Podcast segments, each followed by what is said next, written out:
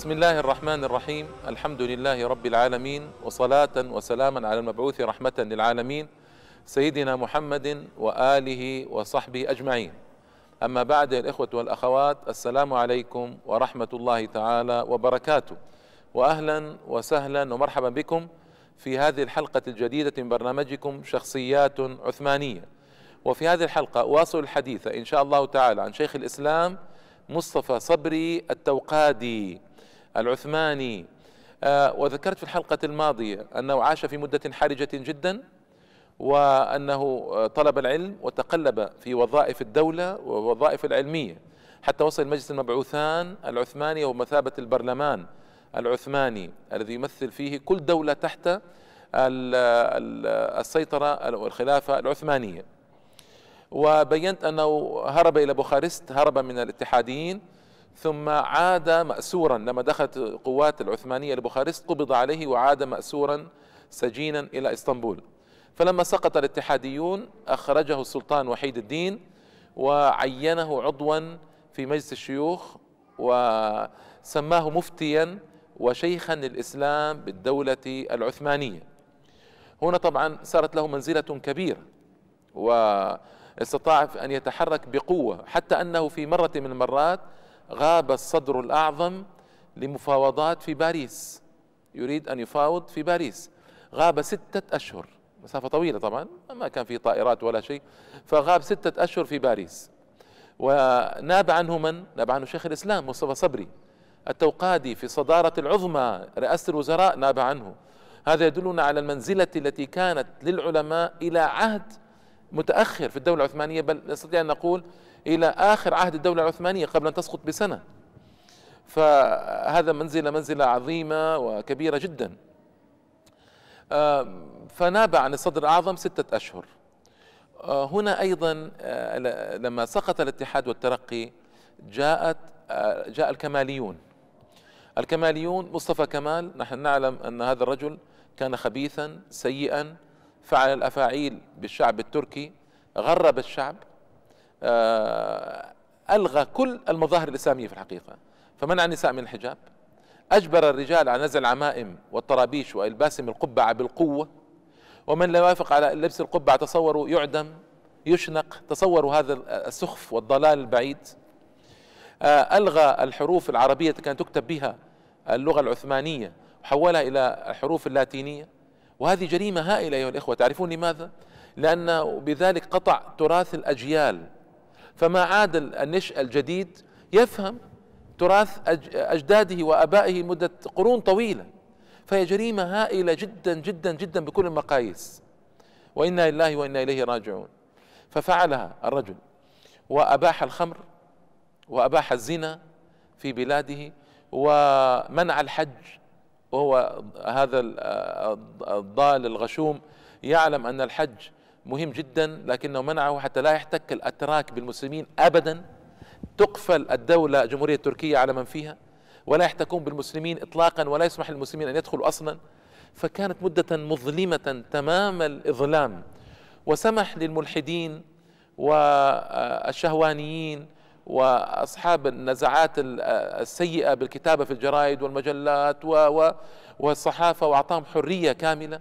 ومنع بالتالي كل من صاحب صوت جليل وعظيم في خدمة الإسلام والمسلمين. قتل العلماء علق مع العواد المشانق. أنهى كل مظاهر الإسلام باختصار أيها الإخوة. وربط تركيا بالغرب مباشرة وكان سكيرا خميرا عربيدا وقصته سيئة جدا تطول يعني. ما هو مناسب الآن نأتي بها في وسط هذا المكان الطاهر؟ يكفي ما ذكرناه. فمصطفى صبري آنذاك طبعا لم يستطع أن يظل في هذا هذه الأجواء هذا هذا المناخ.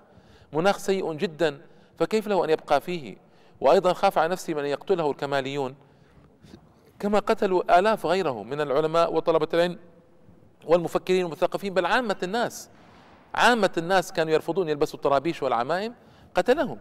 يعني الذين كانوا يرفضون أن ينزعوا الطرابيش والعمائم قتلهم. حتى يلبسوا القبعة الغربية هذه الأمريكية. إلى هذا الحد وصلنا وإنا لله وإنا إليه راجعون من الهوان.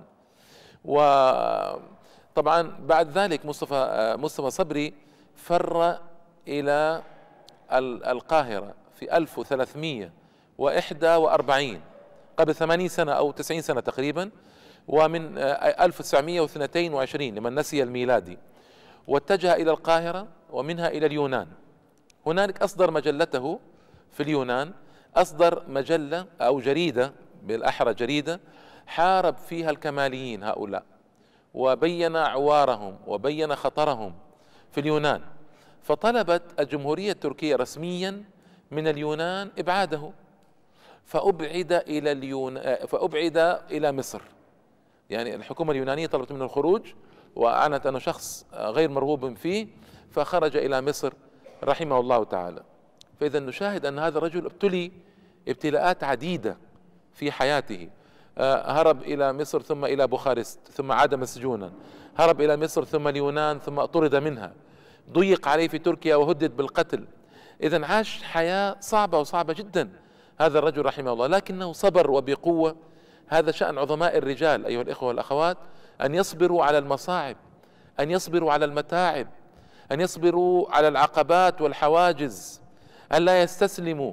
كثير من الشباب إن أصيب بمثل ما أصيب به مصطفى صبري أو أقل منه بكثير تجد يتراجع يقف يسكت آه، يهدأ ما يكون له عمل في الإسلام. لكن هذا العملاق كان له عمل في الإسلام وتحرك لهذا الدين العظيم. آه لما انتقل إلى مصر جردته الحكومة التركية من جنسيتها من جنسيته ومنعته من العودة إلى تركيا من جديد أبدا. فصار في مصر في وضع صعب وصعب جدا وعاش في شظف من العيش رحمة الله تعالى عليه. شظف شديد ما هو أي شظف؟ شظف شديد من العيش عاش. فهنا في مصر فعل التالي. أولا كان له أيضا يعني هو نزل مصر 1341 توفي 1373 يعني مكث ثلث قرن في مصر تقريبا وهذه مدة طويلة جدا. آه وطبعا قبل أن يعمل ما عمل في مصر ذهب إلى الشريف حسين في مكة. استضافه الشريف حسين لكنه لم يجلس لم يمكث عنده عاد إلى مصر ذهب للحج وعاد إلى مصر من جديد. في مصر استقر إلى أن مات رحمه الله تعالى. ما رجع إلى تركيا ممنوع من العودة. وفي الوقت نفسه كان فقيرا شديد الفقر رحمه الله تعالى. آه، حتى أنه لما خرج من تركيا شو انظروا يا إخوة كيف علماء الإسلام وعظماء الإسلام يصنع بهم. والراقصون والراقصات والمغنون والمغنيات والممثلون والممثلات يرفعون يرفعون ويعظمون وهؤلاء مساكين لا بواكي لهم. لكن الله لهم ويعوضهم خيرا في الجنان جنات النعيم إن شاء الله. لما خرج من تركيا خرج هو وعائلته في الدرجة الثالثة في الباخرة لأنه لا يجد ثمن أحسن من ذلك لتذكر أفضل من ذلك.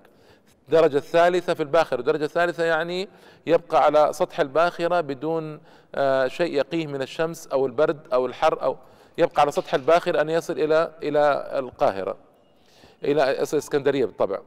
وطبعا هذه هذه هذه خطيرة وخطيرة جدا في حق هذا العالم لكن ماذا نصنع؟ في مصر صنع التالي أولا آه، هاجم الكماليين ومن دافع عنهم من المصريين لأنه للأسف الشديد ظهرت فئة في مصر تدافع عن الكماليين بل إن آه، الشاعر الكبير أحمد شوقي مدحهم ومدح آه، آه، مدح مصطفى كمال وقال يا خالد التركي جدد خالد العربي. هكذا للأسف الشديد يعني وصفه كأنه خالد بن الوليد الأتراك وهو من هو. خدع به كثيرون جدا. بل إن حاكم باكستان مخلوع اسمه برويز مشرف الذي خلعه الله بفضله تبجح بأنه يحب أتاتورك ويحب مصطفى كمال ويحب أن يسير على طريقة مصطفى كمال. هكذا يصنعون. آه، حافظ إبراهيم مدحه أيضا. هناك كثير من أركان الدولة المصرية كانوا يحبونه ويمدحونه لمصطفى كمال. فالذي صنعه كان يحاول بكل ما أوتي من قدرة وإمكانية أن يفضح الكماليين. فكان يكتب يرسل للجرائد ويرسل للمجلات. فكان بعض الجرائد والمجلات لا تستجيب له لا تستجيب له ولا تأبه به ولا تنشر له. إلى هذا الحد يعني. فالمهم كان يكتب لجرائد المجلات ويبين أن هؤلاء خطر على الإسلام والمسلمين وأن المصريين ينبغي أن يكون لديهم وعي بما بخطر هؤلاء الكبير حتى لا يغتروا بهم وحتى يصححوا الصورة التي في أذهانهم عن هؤلاء. وهو بمفرده في القاهرة. لم يجد في الأغلب عونا ولا نصيرا وكان فقيرا ويحتاج إلى إلى كل قرش لكن مع ذلك كان يصرف وقته للإسلام وخدمة المسلمين. الله أكبر. يعني رحمة الله عليه. آه الأمر الثاني الإخوة والأخوات أنه نذر حياته من أجل تصحيح الوضع الفكري والثقافي والإسلامي عموما في مصر. مصر أيضا كانت قد غربت طويلا بالاستخراب الفرنسي والبعثات إلى الخارج فأحدثت نوع من الصدمة الحضارية لدى الشعب أو يعني بعض أفراد الشعب الذين شاهدوا فرنسا. التي حصل كان لها ابتعاث آنذاك حصل نوع من الصدمة الحضارية ودخل الاستخراب الإنجليزي القاهرة سنة 1882 آه، في أواخر القرن الثالث عشر هجري يعني آه، قبل مجيء آه، مصطفى صبري إليها بحوالي أربعين سنة فحصل نوع من الاستغراب في مصر أيضا التغريب الطويل. وكان مسؤول عن عن وزارة المعارف كرومر وكان يعني حصل نوع من التغريب باختصار شديد في مصر. هذا التغريب أدى إلى ظهور نظريات عجيبة عند بعض الكتاب ونجنحوا إلى تأويل المعجزات وعدم قبولها لأنها لا تتفق مع الفكر الغربي وتأويل أحداث الإسلام بأنها لأنها لا تتفق بعض الأحداث التي لا تتفق مع الفكر الغربي عجيب هذا. يعني مثلا الإسراء والمعراج أولوه وقالوا أن حصل المعراج آه، بالروح فقط آه، وليس بالجسد. آه، الطير الأبابيل ترميم بطير بحجارة من سجيل أولوها بالميكروبات الجدري والحصبة. انظروا يا أخوة كيف التميع في الدين والضعف في الدين إلى هذه الدرجة للأسف الشديد يعني. أولوا كثيرا من القضايا والمعجزات والكرامات والأحداث التي جرت في الإسلام أولوها. وكان موقف من من الأحداث عجيب وغريب. ما صنع موسى صبري في مصر آه، يطول شرحه سأرجئه إن شاء الله تعالى لحلقة قادمة المخرج أشار بانتهاء الوقت. فإلى اللقاء الإخوة والأخوات والسلام عليكم ورحمة الله تعالى وبركاته.